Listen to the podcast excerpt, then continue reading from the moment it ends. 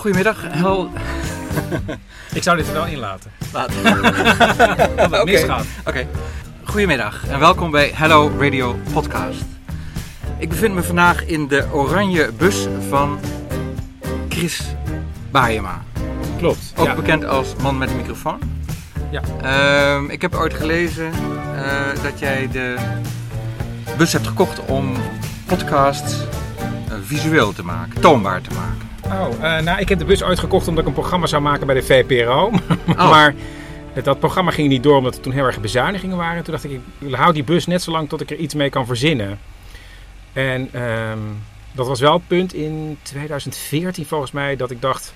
Als ik nou echt radio wil maken die ik zelf leuk vind, dan is misschien podcast een goed idee. Omdat dat toen net groot was geworden in Amerika.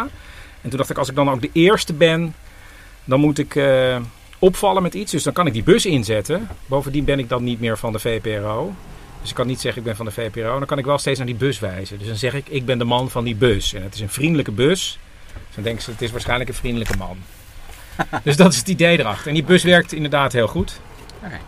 En ehm, eh, goed, goed, je bent begonnen met podcast, maar hoe kwam je op het idee om daarmee te beginnen? Nou, omdat ik dus een programma-idee had. En daar was geen ruimte voor bij de publieke omroep. Omdat het soort radio wat ik maak is heel arbeidsintensief, heel duur. Eh, en er is heel weinig ruimte voor in, eh, in Hilversum. En toen dacht ik, ja, eh, ik wil gewoon iets maken wat ik zelf wil maken. Dus misschien lukt het me als podcast om dat gefinancierd te krijgen.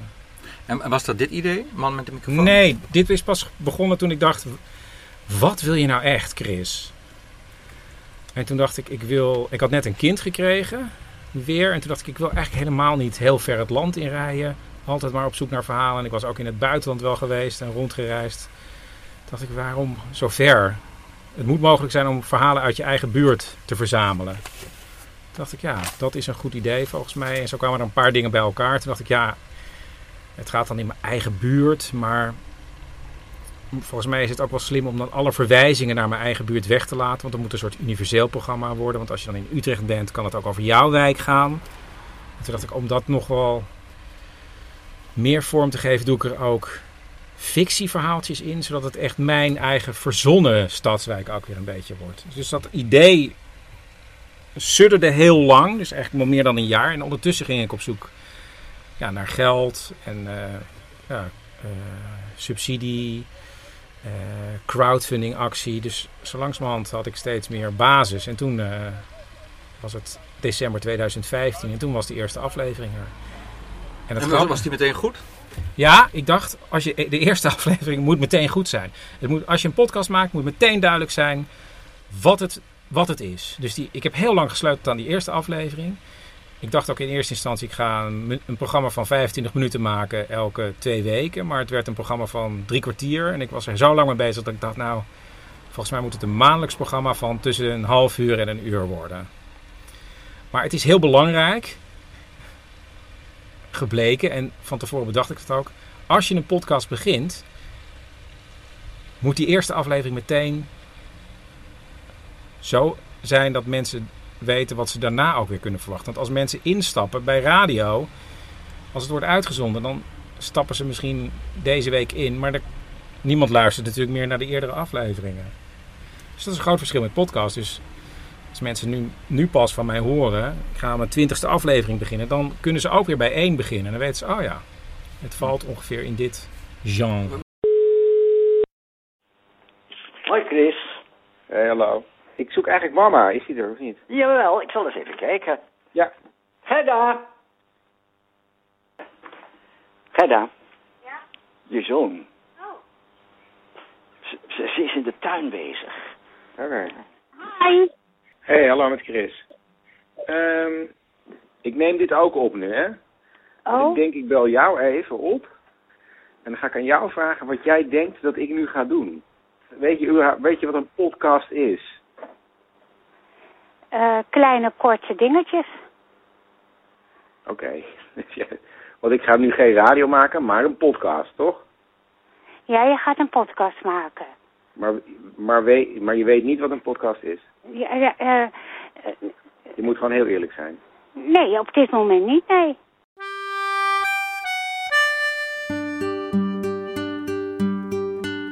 Dit is Man met de microfoon. Met echte en bijna echte verhalen uit een stadswijk. En ik ben Chris Baayema. Ik denk, eh, ik ga naar de Filistijnen. ja. ja, dat ga je denken natuurlijk. Dus ik dacht op een gegeven moment dat de aarde ging polariseren, dat het magnetisch noorden en het magnetisch zuiden zouden wisselen. En dat ik in dat verhaal de hoofdrol zou spelen. Maar nooit dat ik echt iets had van ik ga je nou even een paar tikken geven of even nog even pijnigen extra. Ik ben Nizar. Ik ben een vluchteling uit Irak. Ja, welkom bij de allereerste aflevering van Man met de microfoon. Uh, ik heb een bus gekocht, een oranje bus, een Ford Transit uit 1985. Daar heb ik een logo opgeplakt en met die bus rijd ik door mijn eigen buurt om mensen te interviewen. En uh, dat zou elke stadswijk kunnen zijn, maar het is de mijne. Uh, omdat ik denk dat er overal verhalen te vinden zijn en omdat ik het fijn vind om mijn eigen buurt te ontdekken. Deze aflevering staat in het teken van een thema. En omdat het de eerste aflevering is, leek mij een frisse start wel een goed thema. Omdat ik natuurlijk zelf met iets start. En ja, als je dan toch een start maakt, dan kan het maar beter een frisse start zijn. Dus ik heb ook verhalen verzameld van mensen die een frisse start maken. Uh, en dat kan zijn omdat ze dat willen of omdat ze dat moeten. Omdat ze bijvoorbeeld een tegenslag hebben meegemaakt die zo groot is dat er maar één uitweg is, namelijk een frisse start. Oh ja, en er zijn ook nog bijna echte verhalen, die herken je vanzelf. Uh, die scènes, zo noem ik het maar even, die neem ik op met een klein groepje acteurs. En dat doe ik ook bij mij in de buurt. Dus gewoon op straat, bij mij thuis, uh, bij de slager. Sinds uh, de eerste aflevering is er weinig gescheurd aan het concept. Ik zelf wil onmiddellijk iets anders maken. Dat zit in mijn aard. Maar Hoe bedoel je iets anders dan de eerste? Ja, nou ja, of een totaal ander concept. Of, uh, maar ik dacht, nee, je moet iets maken waar je zelf minstens drie seizoenen mee voort kunt. Wat je drie seizoenen leuk vindt. Uh, dan heb je zo'n basis opgebouwd dat je wel weer kunt freewheelen. Op dat punt ben ik nu beland. Maar ik, heb vorige seizoen ook al bijvoorbeeld een hele aflevering alleen maar fictie gedaan. Terwijl het op oorspronkelijk een vooral documentair programma is. Ja, want, want dat was het uh, programma omtrent uh, een aardappelsalade. Ja, ja. en, uh, dus, dus ik heb toch een beetje het gevoel bij jou, hè, ook, ook omdat je vanaf de eerste aflevering al meteen ook fictie erin verwerkt, ja. hè, dat, je, ja, dat je niet houdt van corsetten, zeg maar. Nee, precies.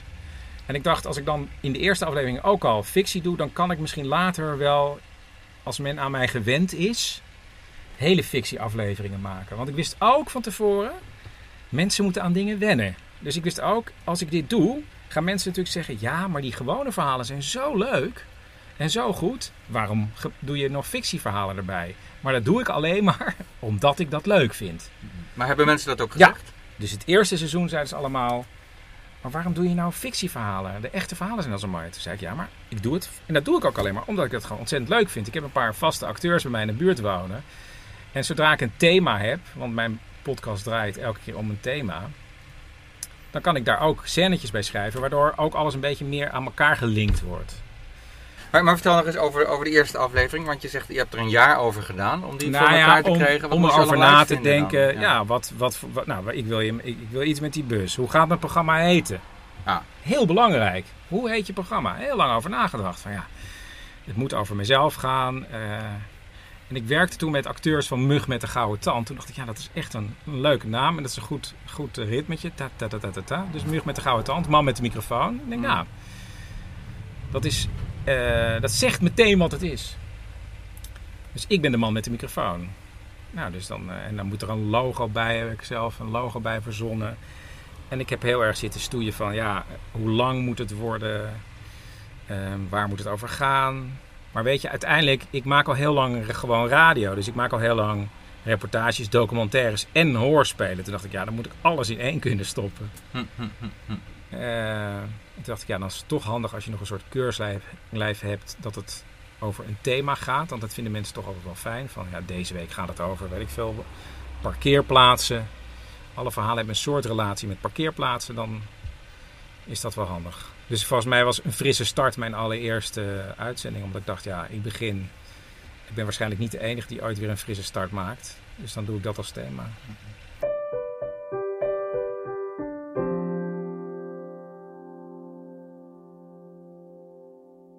Sinds kleins af aan eh, liep ik met een groep jongens. En dan hielden we van kat, deden we kattenkwaad. En dat van kattenkwaad is het steeds eh, het, eh, het erger geworden. Dit is Roy. Hij woont in de straat langs de Oude Vaart. En ik ben met hem in contact gekomen via de reclassering, omdat ik iemand zocht die een frisse start heeft gemaakt. En toen zeiden ze: Je moet met Roy praten, die in het echt een andere naam heeft. Ehm, hij heeft meerdere keren een aantal jaren vastgezeten, maar sinds vorig jaar probeert hij serieus een nieuw leven op te bouwen. Ik uh, ontmoet hem bij een bedrijf wat mensen helpt met een zogenaamde afstand tot de arbeidsmarkt. En daar werkt hij al een jaar bijna uh, min of meer als vrijwilliger in de horeca. En dat gaat heel goed. Uh, van tevoren was ik eigenlijk best wel spannend van om een ex-gedetineerde te ontmoeten. En het rare is, Roy ziet er ook best wel uit als een, ja, als een standaard crimineel. Heel opgepompt lijf, veel tatoeages, maar ontzettend vriendelijke jongen. Goed, het verhaal van Roy. Het begon met kattenkwaad en werd al vrij snel uh, crimineler. Roy gaat in en uit de gevangenis en heeft in de loop van de jaren ook nog bij vier verschillende vriendinnen vier kinderen. En dan is het zijn oudste zoontje, tien jaar, die de verandering min of meer in gang zet. Ja, je belt hem en hij weet dat je binnen bent, dus hij is dan sowieso nonchalant, want ja, je heeft niet veel aan je. Dus hij is sowieso wat nonchalanter in de manier van doen en laten. In de zin van, oh papa belt enthousiast. Hij denkt van ja, als we willen voetballen, je bent niet bij mijn voetbal, je, bent niet, uh, je kan me niet naar school brengen. Dus hij geeft zijn telefoon snel weer aan zijn moeder. Dus ja, papa, ja, gaat goed, oké, is goed met jou, gaat goed, oké, is goed. Zijn moeder, en zijn moeder wou hem ook niet graag naar, naar de gevangenis brengen, want daar is geen plek als kind om naartoe te gaan. Om, om de week bezoek. Dus af en toe één keer in de maand, één keer in de drie maanden, maar ik wou het zelf ook niet.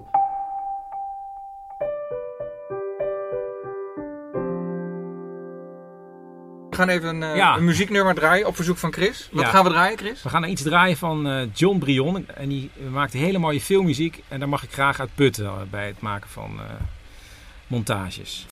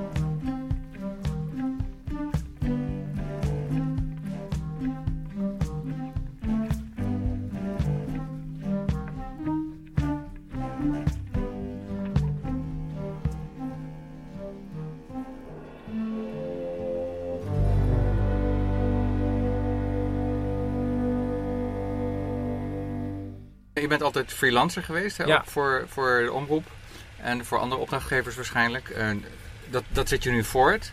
Maar dit is wel het enige wat je doet. Dus, dus was dat ook een moeilijke stap? Nee, want dit is niet het enige wat ik doe. Oh.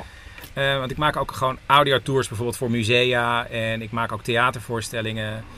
Dus ik doe ook dingen in... Uh, in opdracht? In opdracht, maar in de loop van de afgelopen jaren doe ik alles onder de vlag man met de microfoon. Dus als ik een, theater, of een theaterstuk heb... Ik heb afgelopen zomer en de zomer daarvoor uh, een voorstelling gehad op een rondvaartboot. Eerst op de parade en later vanuit de kleine komedie. Dan doe ik dat ook onder de vlag van een man met de microfoon. Ik ga nu weer een audio voorstelling maken voor het Amsterdam Light Festival. Doe ik ook weer onder de vlag Ik heb portretten gemaakt voor eh, de parade, audioportretten met beeld erbij. De, de- Paradegangers?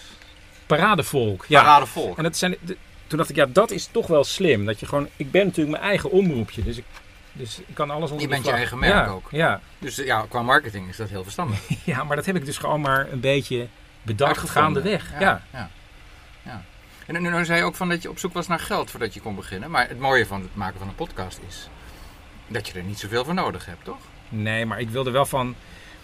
Ik wilde, kijk, het liefst zou ik het alleen maar hiervan willen kunnen leven. En dat kan niet. Maar wat ik doe is echt gewoon ja, wekenlang de straat op en mensen praten, interviewen. En daar blijft maar heel weinig van over. Het stom is dat ik iets heel arbeidsintensief heb bedacht. Maar het is wel wat ik wil maken. Dus daar moeten we- moest ik wel, ja, dus heb ik wel subsidie en een hoofdsponsor. En nu heb ik na twee jaar, eh, moet ik weer opnieuw zoeken naar een nieuwe hoofdsponsor. En, Want de hoofdsponsor is? de hoofdsponsor is Coffee Company, maar die hebben nu twee jaar gesponsord. Dus ja, die, dat, is, dat is nu rond. Dus nu Oh. moet ik weer op zoek naar een nieuwe sponsor. En zij waren er heel blij mee. En je Dus bent nu op zoek naar een andere Ik ben nu op zoek, ja. Maar ja, je hebt nu geloof ik 25.000 luisteraars, zeg je Ja, zelf. ja. Eh, dat moet dan toch niet moeilijk zijn? Ja, dat is dus een eh, misverstand. ik, ik dacht, nou, na twee, drie jaar moet het toch wel eh, lukken om gewoon... Dan staat de le- telefoon rood gloeiend, denk ik. Ja, dat is dus niet zo.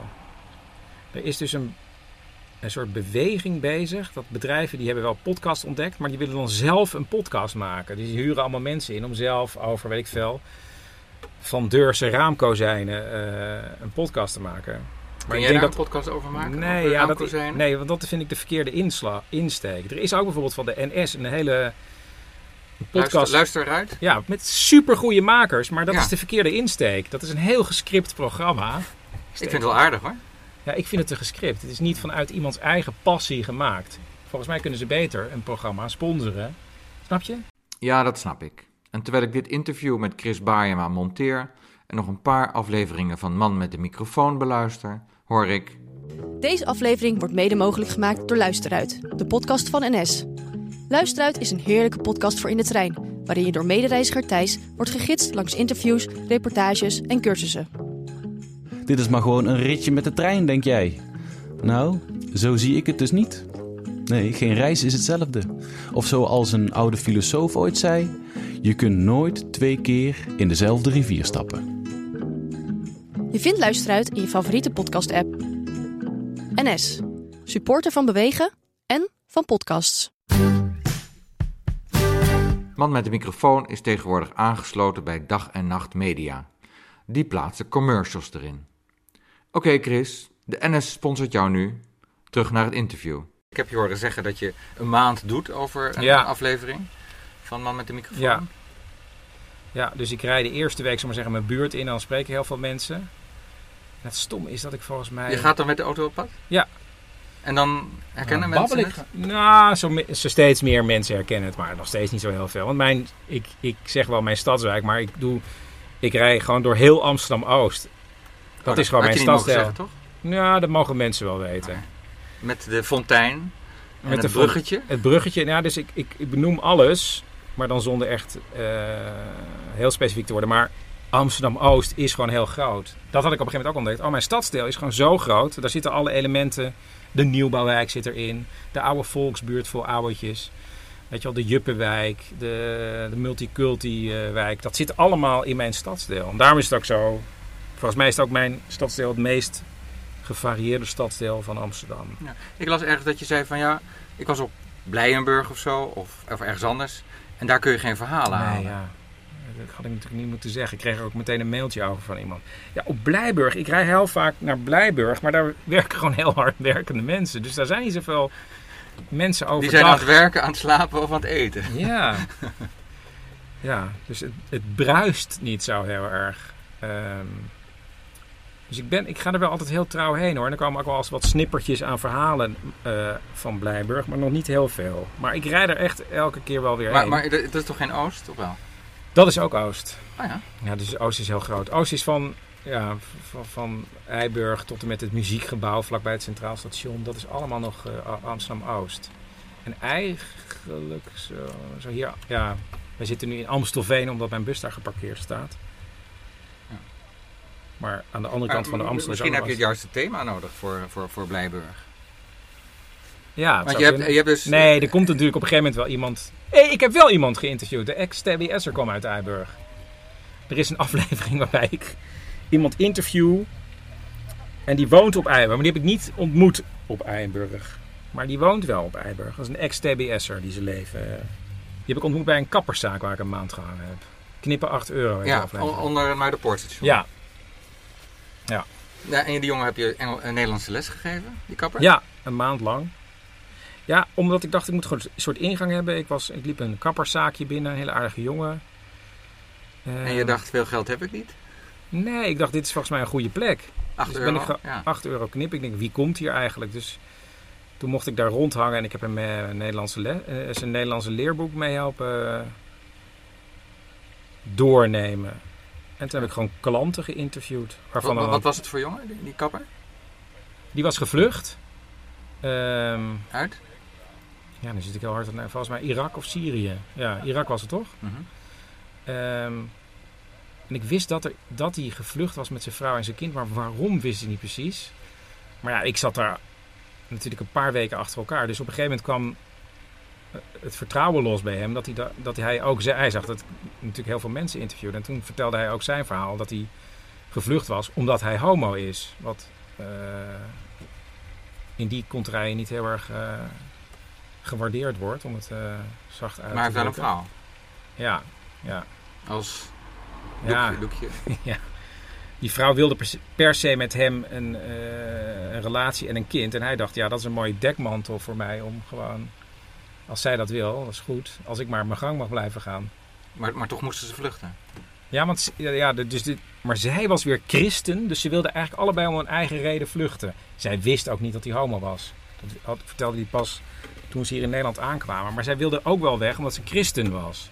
En zij dacht, nou dan vluchten we samen met de kinderen. En toen hij hier bij de IND was, vertelde hij pas meteen op dat moment van ik ben homo en daarom ben ik gevlucht. Maar ik heb mijn vrouw nog niet verteld. Sla, sl- slager. Slager? Wat slager? Slager is ehm, vlees. De Ja. vleeswinkel. Ja, dit is het dus zo'n beetje. ehm, wat ik de afgelopen weken gedaan heb. Ik eh, zat in de kapperszaak bij Ja Ja. En als er geen klanten waren, dan gingen we het boek A1 Nederlands doornemen. En dit was dan eh, de afdeling eh, winkelen, denk ik. Ah, slager. Slager Bakker van vlees. Van vlees. Ja. S- eh, schap. Voor, varken, ja. En als er dan een klant kwam, dan stopten we even en dan gingen we later weer door. En eh, als het een leuke klant was en we hadden een aardig gesprek, dan nam ik soms iets op. En eh, ja, dat kon ook iets heel kleins zijn, niet eens een verhaal, maar waar ik toch de hele tijd aan terug moest denken. Bijvoorbeeld het gesprek wat ik had met de 14-jarige Mohammed.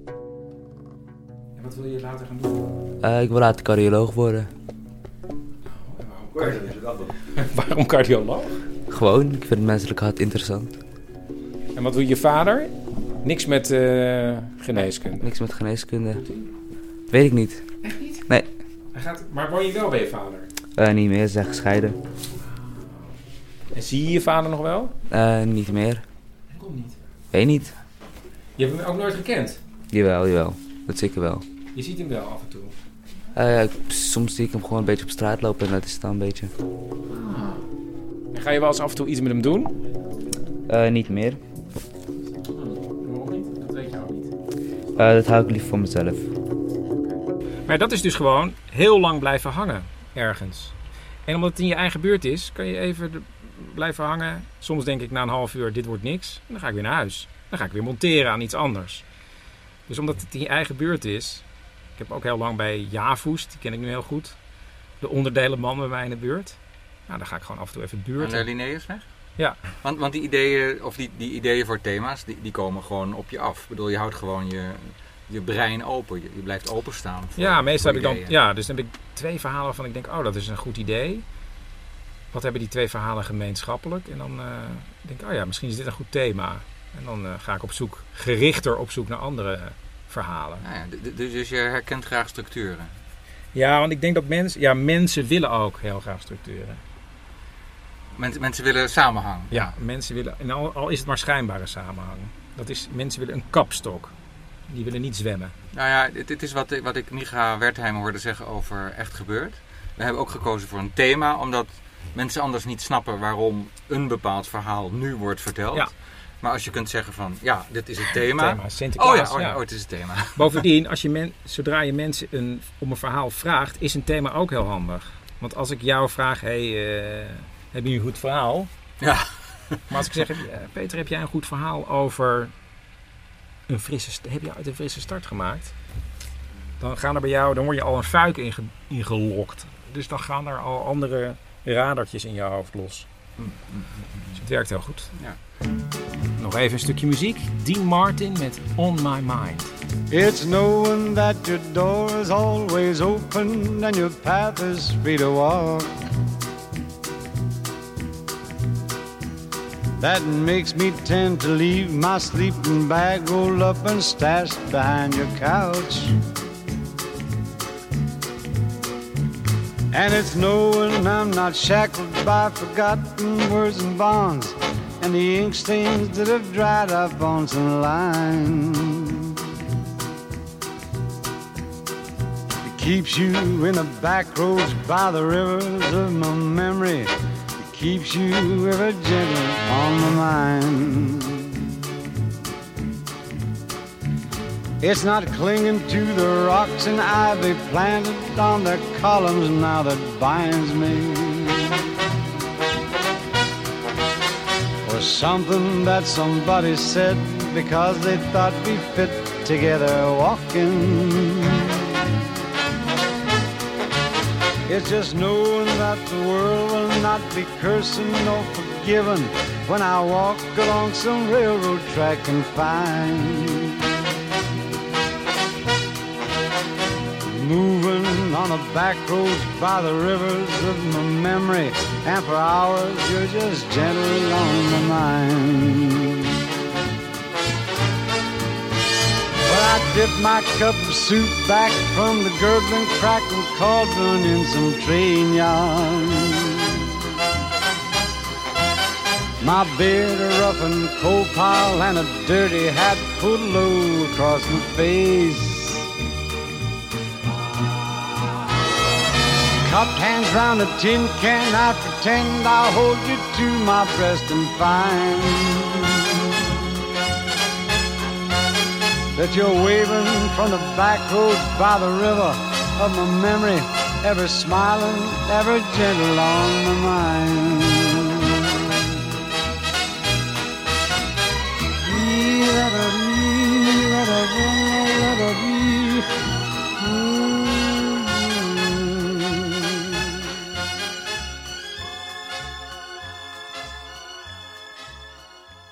Persoonlijk vond ik de Maal in de Maling heel erg leuk. eh, Ja. De derde. Ja, vond ik ook met, met, met die man eh Met van de snackbar. Oh, met die man van de snackbar. Ja, dat was ook heel goed. Ja. En jij zei toen van, ik was op zoek naar een thema en toen kwam ik in die snackbar Ja, en toen, toen dat, wist is ik een goed het. film. dat is een goed voorbeeld. Ik kwam bij een snackbar die was half, met een half lege vitrine. Een Chinees stond erachter. Ja, echt. Je denkt, hoe lang gaat deze snackbar nog bestaan? Dus ik heb gewoon een beetje die middag bij die man gehangen. En ik raakte met hem in gesprek. En nou, volgens mij over zijn hele jeugd gehad. En Maar op een gegeven moment zei ik, maar waarom heb je deze, wanneer heb je eigenlijk deze, hoe lang heb je die snackbar al? En toen bleek dat hij die snackbar uitgekocht had. Naar aanleiding van twee bezoeken op een zondag, twee weken uit elkaar, dat die snackbar heel vol was. En toen dacht hij, ja, nou ja, dan neem ik die snackbar over, want het is een hele goed lopende snackbar. Maar die lag vlakbij het stadion van Ajax. En hij was toevallig gaan kijken. Niet toevallig natuurlijk, want die man die die snackbar verkocht, had hem twee keer op een thuiswedstrijd gevraagd. Dus toen was het vol met eh, voetbalsupporters. En toen heeft die man die snackbar gekocht. Toen dacht ik, oh, dat is een goed thema. In de maling. Meneer Bungo wordt gebeld. Je kan nu langskomen. En dan gaat hij langs. En ja. Kijken. Oh, hele druk. Niet alleen hele zak vol, buiten nog helemaal vol met mensen. De zaak is helemaal vol. Er staat een rij buiten de winkel. En de eigenaar zegt: Ik bel je nog wel een keer op. En inderdaad, twee weken later. Kom maar meer kijken. Oké, kom maar kijken. Oh, weer dezelfde. Dus zo druk. Nou, ik denk, nou, oké, dat is goede zak. Koop ik. En vaak is het dan dat ik denk: Oh, maar diegene heeft dat verhaal een keer aan mij verteld. Dat past er goed bij. En dan heb je er al twee. En dan kan je voor de rest eh, eh, eh, nog verder gericht gaan vragen aan Ja, mensen. ja, want het verhaal ook met die, met die mannen die dan deden alsof ze aan de weg bezig waren, aan Ja, de tramrails. ja. Dat vond ik echt hilarisch. Ja, dat is Raaf. Die heb ik dus ook gewoon ontmoet op straat omdat hij dezelfde jas aan had als ik. Ben ik met Ah, oh, vandaar diezelfde schoenen ook. Ja, In bijvoorbeeld. ja, omtrent... ja, ja. Oké. Ja, die had dus dus- het kan overal vandaan komen. Ja, ja, alles, eh, zelfs als alles fictie is, gaat het nog over mezelf. Nee, dus Raaf had dezelfde jas en die had een verhaal in een, in een frisse start, want hij had ooit een psychose gehad. Hij vertelde ook het verhaal dat hij samen met een vriend rare ingrepen in de openbare ruimte deed. Dat ze hem ja, net deden alsof ze de weg aan het opbreken waren. We zoeken naar een rol die legitimeert dat je overal kan staan. Want het eerste wat wij zijn gaan doen, eh, landmeters. Ze besluiten het land te gaan meten op een van de drukste plekken in de stad. Ze kopen professionele werkmanskleding en ze bouwen ieder hun eigen unit. Van een oude filmcamera en heb ik wat dingen aangemaakt en die heb ik ook industrieel grijs-groen gespoten. En ja, dat kon in mijn ogen prima door als landmeetapparatuur. En Boudewijn die had iets, eh, nou, het leek wel of het ook nog signalen van, van buiten de aarde kon opvangen. En het was een zwart apparaat, wat, jij kon het helemaal niet, niet plaatsen. En, en wat dit apparaat zou kunnen doen, geen idee. Ze gaan met hun spullen de stad in en beginnen. Ja, dat was toen ook nog een beetje gewoon eh, de rebel zijn. Want ja, als ik op de treinbaan ga staan, dan kan niemand er meer door. Dus dat vond ik ook heel spannend. Want er kwam een tram aan en die stopte. Want ik had mijn, eh, die stopte al voordat ik mijn spullen had staan. Dus ik, liep op, ik was op weg naar die plek. En ik was alleen maar mijn statief aan het uitstallen. en die tram die stopte. En die gaf ons gewoon de ruimte. En achter die tram stopte nog een tram. En volgens mij daarna nog een tram. Dus het was gewoon spannend. Ehm, maar ja, ik moest gewoon de, de klus afmaken. Dus, en een landmeter die beweegt nooit snel. Die jongens die doen alles gewoon eh, op routine en, en met rust. Dus ik dacht, ik moet vooral rustig zijn. En dus ik doe mijn meting. En eh, toen was eigenlijk het allermooiste moment. Eh, ik klap de driepoot in. En ik doe drie stappen opzij. En ik sta weer op de vluchtheuvel, waar ook het bushok is. En die trams die bleven staan. En pas toen ik het signaal maakte van rij maar weer verder, toen kwam de stoet in beweging. En toen hadden we zoiets van, "Oeh, dit is echt, hier doen we het voor.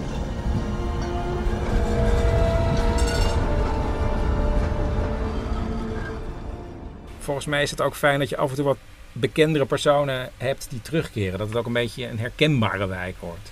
Dus ik heb nu een paar mensen, als ik dan een thema heb, dan ga ik sowieso daar even langs. En nou, vaak komt er niks van, maar soms weer wel. En je, je hebt ook inderdaad de mensen die in, in hun fictie terugkeren. hè? Ja, ja, ja. Bijvoorbeeld eh, die, die eh, meneer, ik noem hem maar even, Noblesse Oblige. Paul van Wieldrecht, ja. Die, eh, ja... Kakkineuzenman, ja. Ja, gespeeld door mijn eh, schuin overbuurman toen eh Diederik Ebbingen. Acteur? Dus acteur. En ja, die kan heel goed een kakker spelen. Ik denk, ja, dat is toch... Dus, en als het dan werkt, dan denk ik, oh, dan kan ik hem nog wel een keer inzetten. Hoe verzin je dat soort verhalen? Ja, dat weet ik niet. Als ik het thema heb, dan denk ik, oh ja, dat is wel grappig. Eh, ja. Ja, dat weet ik eigenlijk niet. Je hoofd loopt open? Of? Nou, nee. Bij, bijvoorbeeld bij vakantie dacht ik ook van, ja, wat is nou een leuke scène voor vakantie? En Diederik vertelde zelf iets dat hij met een hotel, in een hotel had gezeten met vakantie. Hoorde ik hem ergens zeggen dat het wel een aardig hotel was. Nou ja, dan denk ik van, oh ja, maar er zijn misschien zelfs mensen die dan op vakantie gaan en zelfs een vijf-sterren hotel niet goed genoeg vinden. Wat is het meest verschrikkelijke op vakantiegebied wat u heeft meegemaakt? Och, nou, och jezus, ja, nou dat, eh, dat weet ik, dat Kelly Star. eh, pff, Want, nou, ja. ja, dat was eh, dat we even geen eh, residence de vakantie hadden. Dat was eh, de periode tussen de Côte d'Azur en de Côte d'Ivoire in eigenlijk. eh, dat je dan even geen eh, eigen weide hebt. Heel akelig. Want? Ja, paniek. eh, je wordt toch min of meer in een hotel ingedwongen. En eh, je probeert de sterren nog een beetje hoog te houden. Maar het is natuurlijk armoedroef. Dat begrijp je natuurlijk wel. Chris, eh, met z'n allen in dezelfde ruimte eten. Een zwembadje delen. Het personeel dat niet echt van jou is. eh, wel serviel en zo, hoor, prima. Daar gaat het me ook helemaal niet om. Ze doet enorm hun best. Maar meer van ja, ik kom zo wel even langs, weet je wel. Dingen duren. Maar vooral dat massale met 12, 14 mensen in een landhuis. Dan ga je toch snel zitten denken. Die zitten daar verdomme mijn uitzicht weg te kijken. Nee, zoiets hoop ik echt ah, nooit meer mee te maken, Kees. Eh, Verschuwelijk. En, en hoe zit het dan nu met vakantie? Nou, goddank hebben we weer een eigen dingetje in de d'Ivoire op de kop weten te tikken. Zo'n eh, 700 hectare. Maar dat is omdat we er maar een paar weken per jaar zijn natuurlijk. Dus je probeert het toch een beetje binnen de perken te houden. En bovendien, wat wel fijn is, dat je daar echt werkelijk overal je geweer kan aanleggen. Dus wat dat betreft geen enkele beperking. Nee, het is een hartstikke leuk optrekje. Dus eh, als ik van mensen hield, zou ik zeggen, eh, kom eens langs, Chris. maar dat doe ik dus niet. Dan heb je toch het idee dat die mensen mijn uitzicht aan het wegkijken Ja, zijn. en als je die zin hebt, dan denk je, nou, dat is wel genoeg. Die zitten verdomme mijn uitzicht weg te kijken. Toen dacht ik, ja, dat vind ik dan zelf, dan voel ik dan zelf ook wel aan, dat is echt een goede zin. Ja, ja. En vaak heb je maar twee van dat soort zinnen nodig en dan, dan heb je vanzelf alweer de, de rest die er eh, omheen komt. Want je, want je moet toch wel zoeken naar, naar juweeltjes. Wat? Tussen wat je opneemt. Ja, ja, dus met die documentaire, ja, en dat is het fijne van fictie, dat gaat heel snel. Dus ik, Dat schrijf je zo weg. dat schrijf, uiteindelijk als je het thema hebt, ja, dan ga je gewoon even een uurtje zitten. Heb je een leuk tekstje. Eh, want dat, daar kan je dan al, weet je, wel, je gaat een beetje nadenken. Nou, na een paar dagen denk je, ah, nou, dit is wel goed. Oh ja, dan heb je een paar dingetjes en dan schrijf je dat heel snel. En je neemt het heel snel op met zo'n acteur. Kost veel minder tijd dan al dat documentaire zoeken en weggooien. Nog maar weer op pad. Die laatste aflevering ook ging een heel ander thema eerst verzonnen. Echt een anderhalve week. Je bedoelt Ja, voor ik- vakantie? Voordat ja, vakantie- voordat ik vakantie had, dacht ik, ja... Wat toen ging- voor thema Ja, dan? ik had het thema... Ik dacht, ik, moet, ik ga zo ver mogelijk de randen van mijn stadsdeel opzoeken. Want uiteindelijk is het zelfs zo dat je bijna een soort boerenland hebt. Langs de Amstel stroomt ook nog... eh een afstroom, de, de, de Amstel stroomt. En daar heb je ook nog een gedeelte met allemaal weilanden. Dat is ook nog Amsterdam-Oost. Dus dan ben ik daar gaan hangen en heel veel mensen gepraat. Toen dacht ik, ja, de grens opzoeken, weet ik veel. Nou, dus heel veel tijd gaat er dan in niks zitten. Maar misschien, over een jaar denk ik, oh ja, daar heb ik die man toegesproken. Ja, ja, ja, daar moet ik weer terug. Dus ik leer gewoon steeds meer mensen kennen ook in mijn stadsdeel. Dus, dus, dus je beweegt je zeg maar in de, in de volledige scala tussen fictie en non-fictie. Ja. En eh, heb je niet het idee dat mensen dan gaan denken van ja, maar is die non-fictie wel non-fictie? Dat mensen een beetje in verwarring raken. Ah, dat vind ik niet erg. Bovendien is het me daar niet om te doen. Dus je kan altijd de fictie herkennen aan eenzelfde muziekje waar het bij ingestart wordt en bij uitgestart wordt. Het enige wat je. Wat voor een effect het wel heeft bij mensen, dat vind ik eigenlijk wel leuk, dat ze denken van hè? Maar dit is dus echt. En dat, hè, maar ja, dit is dus echt. Omdat ze denken, hè, dit is dus niet echt. Dat kan ook nog. Ik was ook een keer op een avond dat iemand iets instart als een voorbeeld van een leuk documentaire stukje. Toen zei ik, nou maar dit is niet echt. Welk stukje was dat? Met Marcel Hensema als agent die eh, straatvuil aan het... eh, een actie tegen straatvuil Oh ja, was. ja, ja, ja, want die gooit dan iets op de grond. Ja, ja, als voorbeeld van hoe het niet moet. Nou ja, maar volgens mij had ik toen ook nog niet... Op een gegeven moment dacht ik, het is me daar niet om te doen. Dus ik doe gewoon echt een muziekje. Dus dan herken je het gewoon aan dat muziek. En dat heb ik ook één keer gezegd, van dit is het muziekje. Dus, en eh Paulien, mijn vriendin, schrijft altijd een telefoondialoog. Nou, dat is natuurlijk meteen duidelijk dat dat niet echt is. Want dat is vaak met je moeder, toch? Eh, ja, de vrouw, die, ja, die mijn, actrice die mijn moeder ook heel vaak speelt, ja. Maar heel in het begin hoor ik jou. Mijn jouw echte, moeder, ja. Dus dat is ook weer een raar spel. Ja. Cecile speelt een moeder, maar volgens mij in de Man met de microfoon aflevering niet mijn moeder, maar in de voorstelling, de echte voorstelling op die rondvaartboot speelde ze wel weer mijn moeder. Maar Cecile is gewoon heel goed. Dus die probeer ik zoveel mogelijk in te schakelen. Ja, Ja. ze heeft Isabel die ook op de vakantie, toch? Ja, maar ze belt mij dan niet. Dat is een gesprek tussen haar en Leopold Witte, een acteur. Dus haar gesprekken zijn altijd met acteurs. Oh, dus maar, maar goed, goed dat je het zegt. Het lijkt alsof ik het ben dan, of niet? Ja. Oh, nee.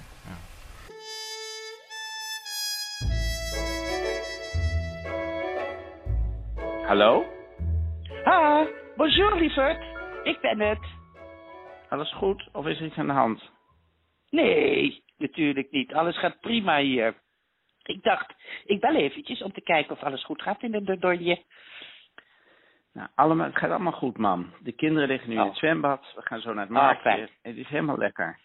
Oh, fijn, fijn, fijn. hey, en is dat kleine kaaswinkeltje er nog in eh La Roque-Corjac? Weet ik niet. We gaan het zo allemaal zien. Maar goed, mam. We gaan dus zo. Nou, nou, nou, nou, mag er dan niet even gepraat worden met moeder? Is het zelfs op vakantie nog te druk? Vakantie is ook tijd nemen, lieverd, voor familie. Voor je moeder, die dit jaar niet mee mocht omdat het allemaal te duur en bewerkelijk wordt. Mama. Ik, Nou, ik, ik vind het prima. Dat hebben we uitgepraat. Maar dan vind ik het wel zo leuk om een beetje op de hoogte te worden gehouden. Ja, maar dit bellen is dus ook duur, hè? Nou ja, zeg.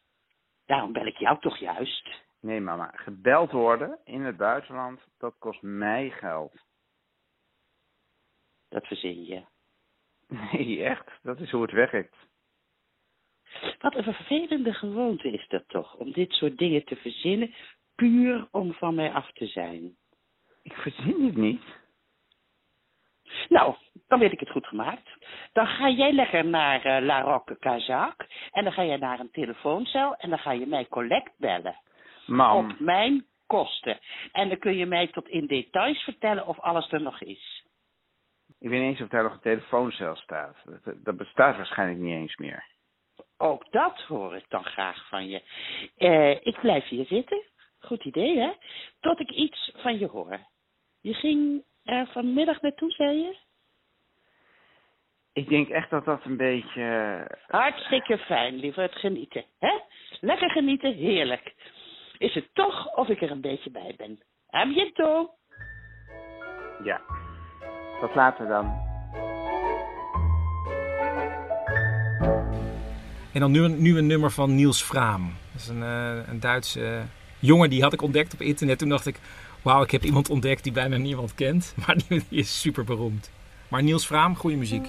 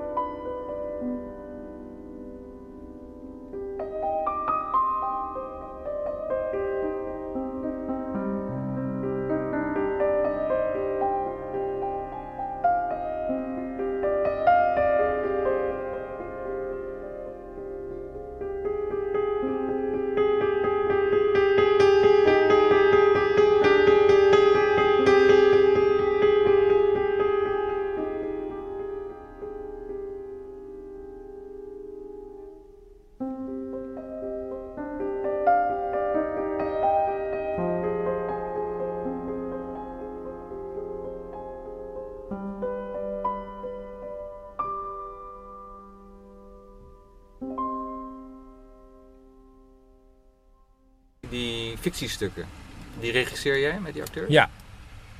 Want hebben die regie nodig? Ja, soms. Ja. Maar kijk, ik schrijf iets op iemand. Dus ik weet al ongeveer hoe iemand het gaat spelen. Dus dat is ook alweer een soort luxe. Het zijn een beetje archetypes? Of Het zijn types? archetypes en ik Ja. ken die mensen heel goed. Dus ik weet, als ik Diederik, iets voor Diederik schrijf, dan hoor ik al die stem die hij, zeg maar zeggen, nu al vaak gedaan heeft in mijn hoofd als ik het schrijf. Dus dan rolt dat er heel makkelijk uit op die manier. Ja, voor de rest kan ik gewoon... eh, En de, en de echte mensen? Geef die aanwijzing? Ja, je bent ook als, ma ook als documentairemaker ben je ook regisseur. Je kan zeggen stop, ik wil dat je het nog een keer zegt. Nee, begin nou eens een zin met de volgende dag. Kan allemaal. Kan dat? Ja hoor. Ethisch verantwoord. Zeker, ja. ja. Het gaat om het, om het zo goed mogelijk over het voetlicht brengen van dat verhaal. En jij bent ook de baas, hè?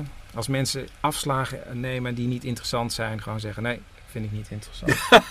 Dat moet ik ben heel streng, ja. Ik ben heel streng. Van nee, dit, daar gaat het niet om. Of nee, nog een keer. Hoezo? Als mensen gewoon niet antwoorden. Heel vaak hoor je bij live radio dat er een vraag gesteld wordt. En dat wordt dan niet beantwoord en er wordt dan niet op teruggekomen. Omdat ja, de tijd gaat voort. Maar ja, ik heb geen tijd die voortgaat. Ik bedoel, het is niet live. Dus als iemand, als ik zeg, ja maar wacht even. Wat gebeurde er? Nee, nog een keer terug. Ik wil, ik wil meer detail horen. Want dat, kijk, audio is detail. Audio is detail. Ja, dus je moet zoveel mogelijk mensen terugplaatsen in een situatie. En dus dat moet je, daar moet je mensen mee helpen. Nee, en dan moet je ze iets. Ja, dus er is een ongeluk gebeurd. Ik zeg nee, oké, dan beginnen we. nu. Je stond op. Je werd waar. Dan zijn ze, plaats je ze voor dat ongeluk. En dan ga je er langzaam naartoe werken. Oké, je zat in de auto. Wat had je aan? Wat had je gegeten? En dan dru- druk je mensen langzamerhand in die herinnering. Dat ze ook zich het details gaan herinneren. Want dan krijg je een beeld wat opgeroepen wordt in, in je hoofd als het verteld wordt.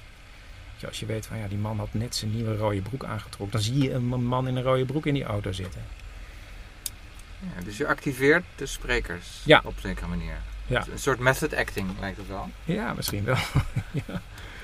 Kruip nog eens een keer terug. Ja, dat is het eigenlijk wel. Ja. Ja, en wat, je ook, wat ook een truc is. Ja, en toen stond ik daar. Nou, binnen no kwam de politie. Nee, nee, nee, nee, wacht even. Je zit in de. Dus niet je stond daar. Nee, want dan was het ongeluk al voorbij.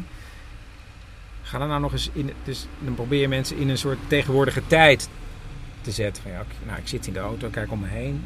Ik kijk nog een keer naar links. Ik weet echt, nou, zeker dat ik niks zag. En opeens zie ik een gele flits.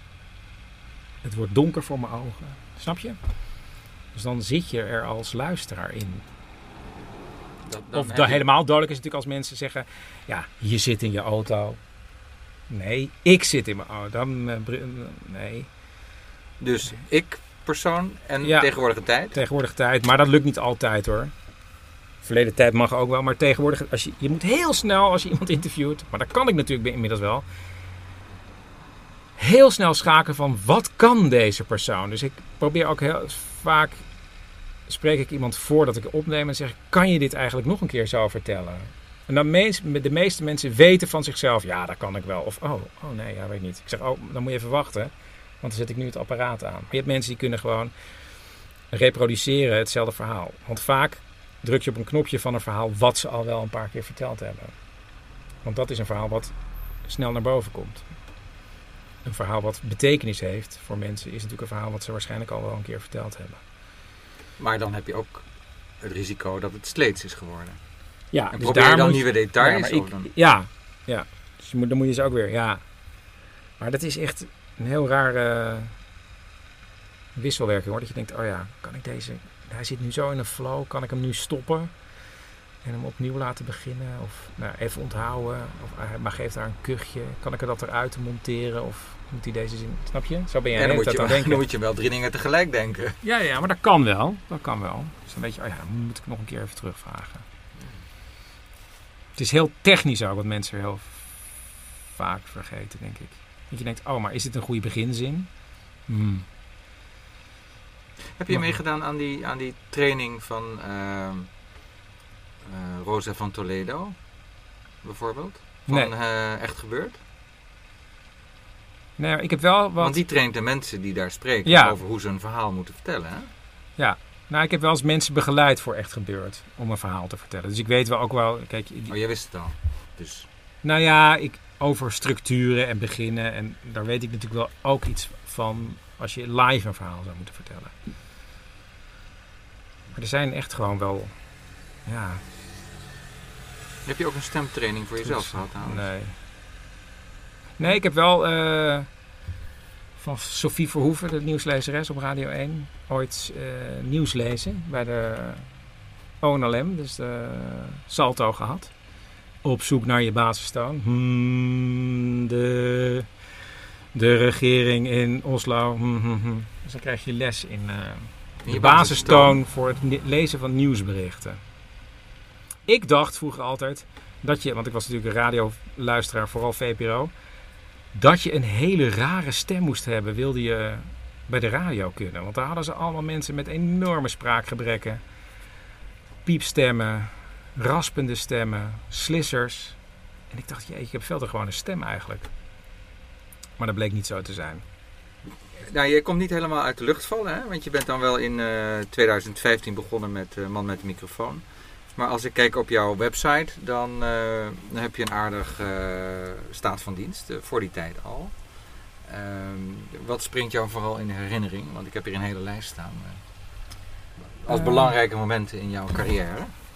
Ik vond een grote bruine envelop heel leuk zelf. Dat was echt dat ik dacht, daar kon ik ook alles in kwijt wat ik wilde. Ik Ja, daar had ik ook wel eens over gelezen in NRC, geloof ik. Ja, dat zou kunnen. Hoe ging dat in zijn werk? Nou, ik had gewoon eh 250 bruine enveloppen lukraak verspreid door heel Nederland. En die liet ik dan achter in groentezaken of op bankjes in parken. Nou ja, noem maar op. En daarop zat een brief van stuur mij iets terug. Een voorwerp of een foto of een gedicht. Maakt niet uit. Iets waarmee ik een startpunt heb voor het maken van een documentaire. Dus eh, ik geloof dat ik meer dan de helft van die enveloppen is uiteindelijk teruggekomen. Want je kon er ook nog een prijs mee winnen. Ik dacht, ja, weet je dat Sjaki in de chocoladefabriek-achtige gouden wikkelidee. Volgens mij kon je 250 euro winnen. Als jouw idee werd uitgekozen. En daar heb ik toen vijf documentaires, lange documentaires van gemaakt. Dan kon je mij ook vol, en was van En wat de zat er in die VPRO. documentaires? Er zat eh, een cassettebandje in van een antwoordapparaat. En dat ging ik als een soort Sherlock Holmes helemaal ontleden. En dat was een vrouw die belde op omdat ze zwanger was geworden van de man van het eh, cassettebandje. Maar dat was dus een vrouw. Dus die man was donor van een lesbisch stel. Maar dat was redelijk in de periode dat dat nog niet heel veel voorkwam. Dus dan heb ik eigenlijk gewoon hun verhaal eh, verteld. Dus een van die donor die eh, nou, zijn zaad gaf aan dat stel. En van dat stel en hoe dat dan was. Dus een van de eerste lesbische moeders. En, eh, En dat was echt? dat was echt, ja. Dat was allemaal echt, ja. Al, dat waren allemaal echte documentaires. Ik had een flyer opgestuurd gekregen van een bandje uit de jaren 70. En dan ben ik, heb ik mezelf tot manager benoemd en die band weer eh, bij elkaar gebracht en gaan spelen. Dat was ook wel heel grappig. Nou, ik ben van beroep buschauffeur en eh, op een bewuste zondagmiddag 9 mei, was het geloof ik, toen liep ik door de bus op het eindpunt en eh, ontdekte ik die envelop op de stoel. Ik denk, nou, die neem ik eens mee naar huis. Misschien kunnen we er iets leuks mee. Nou ja, mijn man kwam dus thuis met die envelop. Ja. Nou, ik alles gelezen wat erop stond. Ik denk, ja, hier moeten we toch wat mee doen. Ik ga eens kijken bij die eh, foto's van oude bandjes. En misschien is dat iets leuks voor jou om een eh programmaatje over te maken.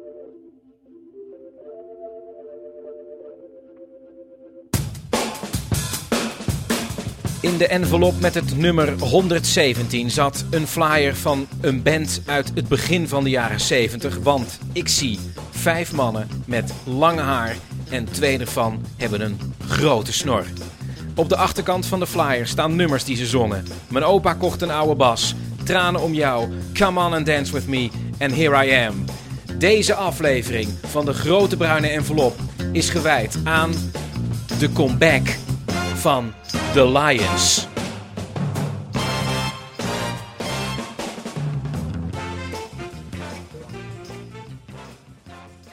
En ik heb ook toen een, live audiotour gedaan door het plaatsje Twisk. Omdat er, dat was in Noord-Holland een plaatsje waar heel veel mensen wegtrokken en mensen uit de Randstad naartoe kwamen en alle middenstand verdween. Een beetje een soort Holwert-achter verhaal. Heb ik luisteraars gevraagd om daarheen te komen. En die kregen dan een soort audiotour door dat dorpje, maar ook door huizen. Dus dan liep je door een huis, terwijl je ook degene zag die aan het praten was op dat moment. Dus de hoofdpersoon kwam je gewoon tegen en dan liep je Ja, weer ja. door. Ja, ja. Op K71 woont nog steeds Toonlak. En als je een stukje verder kijkt in de straat, daar links die grote boerderij met dat groene dakkapelletje en de dakpannen en dat stro, loopt daar eigenlijk maar naartoe, die kant op. Dat was de grootste boerderij van Twisk, van de familie Koolhaas. En daar heeft Toon Lak bijna zijn hele leven als loonarbeider gewerkt. Nou, dus daar heb ik ook toen al zekere vrijheid genomen in de vorm. eh. Ja, als ik, als ik an- andere hoogtepunten mag noemen. Paul Vlaanderen heb je aan meegewerkt. Ja, ja. En het eh, eh, Tijdsmysterie. Ehm, daar, daar kwam nog een carnavalskraker uit voort ook. Ja, met een carnavalsnummer. Ja. Het hoorspel Bommel. Was ik een van de regisseurs. Ja. Eh, Plots en Toendra, programma van de VPRO. Ja. À la um, This American Life. Klopt. Reportages voor Mangiare. Een Doe ik nog eh, programma. Van wie ook alweer? Van Petra Possel, Ja, de NTR. Ja. Geluid loopt. Dat was ook heel leuk. Wat was dat? Dat was een comedy die ik heb geschreven met Jan-Jaap van der Wal. Ja, dat was superleuk om te doen. Want, eh, we hebben twee seizoenen gedaan van vijf minuten per aflevering. Het ging over de redactie van een radioprogramma in Hilversum. Dus dat ging ook eigenlijk gewoon over mijn eigen ervaringen. Dat was ook wel heel erg in de, in de tijd dat elk programma probeerde op de wereld draait door te lijken. Dus daar zit heel veel van dat soort commentaar in. Maar het, ja, Ja, ik, ik kom daar de naam Sandra Heerma van Vos tegen. Ja. Die, die kom ik tegenwoordig ook tegen in jouw... eh, Ja, dat was dus de ontdekking van Geluid Loopt. Had ik allemaal acteurs. En ik had Sandra Herma van Vos, een journaliste, ooit ontmoet. En die zei, ja, ik wil ook wel een keer iets doen. En toen gingen we een pilot maken van Geluid Loopt. En toen zei ik Jan, ja, tegen Jan ja van ja, ik heb een journalist, die, die kunnen we misschien vragen voor je hoofdredactrice in dat stuk. Ik zei, ja, doen we, want het is een pilot. En als het niet bevalt, weet je, dan kunnen we altijd nog zeggen van, we doen het niet. Dus die zat tussen volledig gepokt en gemazelde acteurs. En mij, dus dat valt ook nog mee. Maar die was echt de ster van die show. Geluid loopt. Een blik achter de schermen van het culturele radioprogramma Focus. Lisbeth, eindredactrice, ambitieus. Want we gaan Focus wat meer DDDW maken. Eliane, redacteur dans en theater, gevoelig. Ik vind dat van een ongegeneerde patserigheid waar ik niets mee te maken wil hebben. Henk, redacteur muziek, net terug van een burn-out. Ja, eh, daar ben ik dan weer. Bram, 62 jaar, zet koffie. Espresso iemand? En Chris, de nieuwe brutale verslaggever. Beatles of the Stones? Aflevering 1, het nieuwe gezicht. Jongens, fijn dat jullie er weer zijn. Vakantie voorbij, Koninginnedag. Daar hebben we het later over. Nieuw seizoen, nieuwe kansen, nieuw bloed. Een nieuw gezicht bij Focus. Chris. Ja, eh, hallo, ik ben Chris. Chris is, of nou ja, hij wordt zo'n beetje de jakhals van Focus. Onze Nou. brutale verslaggever die net even die andere invalshoek kiest. Hè? Maar dan zonder rode stropdas, want wij zijn radio. Ja, en mijn zwarte, zwarte pak zit onder de vlekken van gisteren natuurlijk.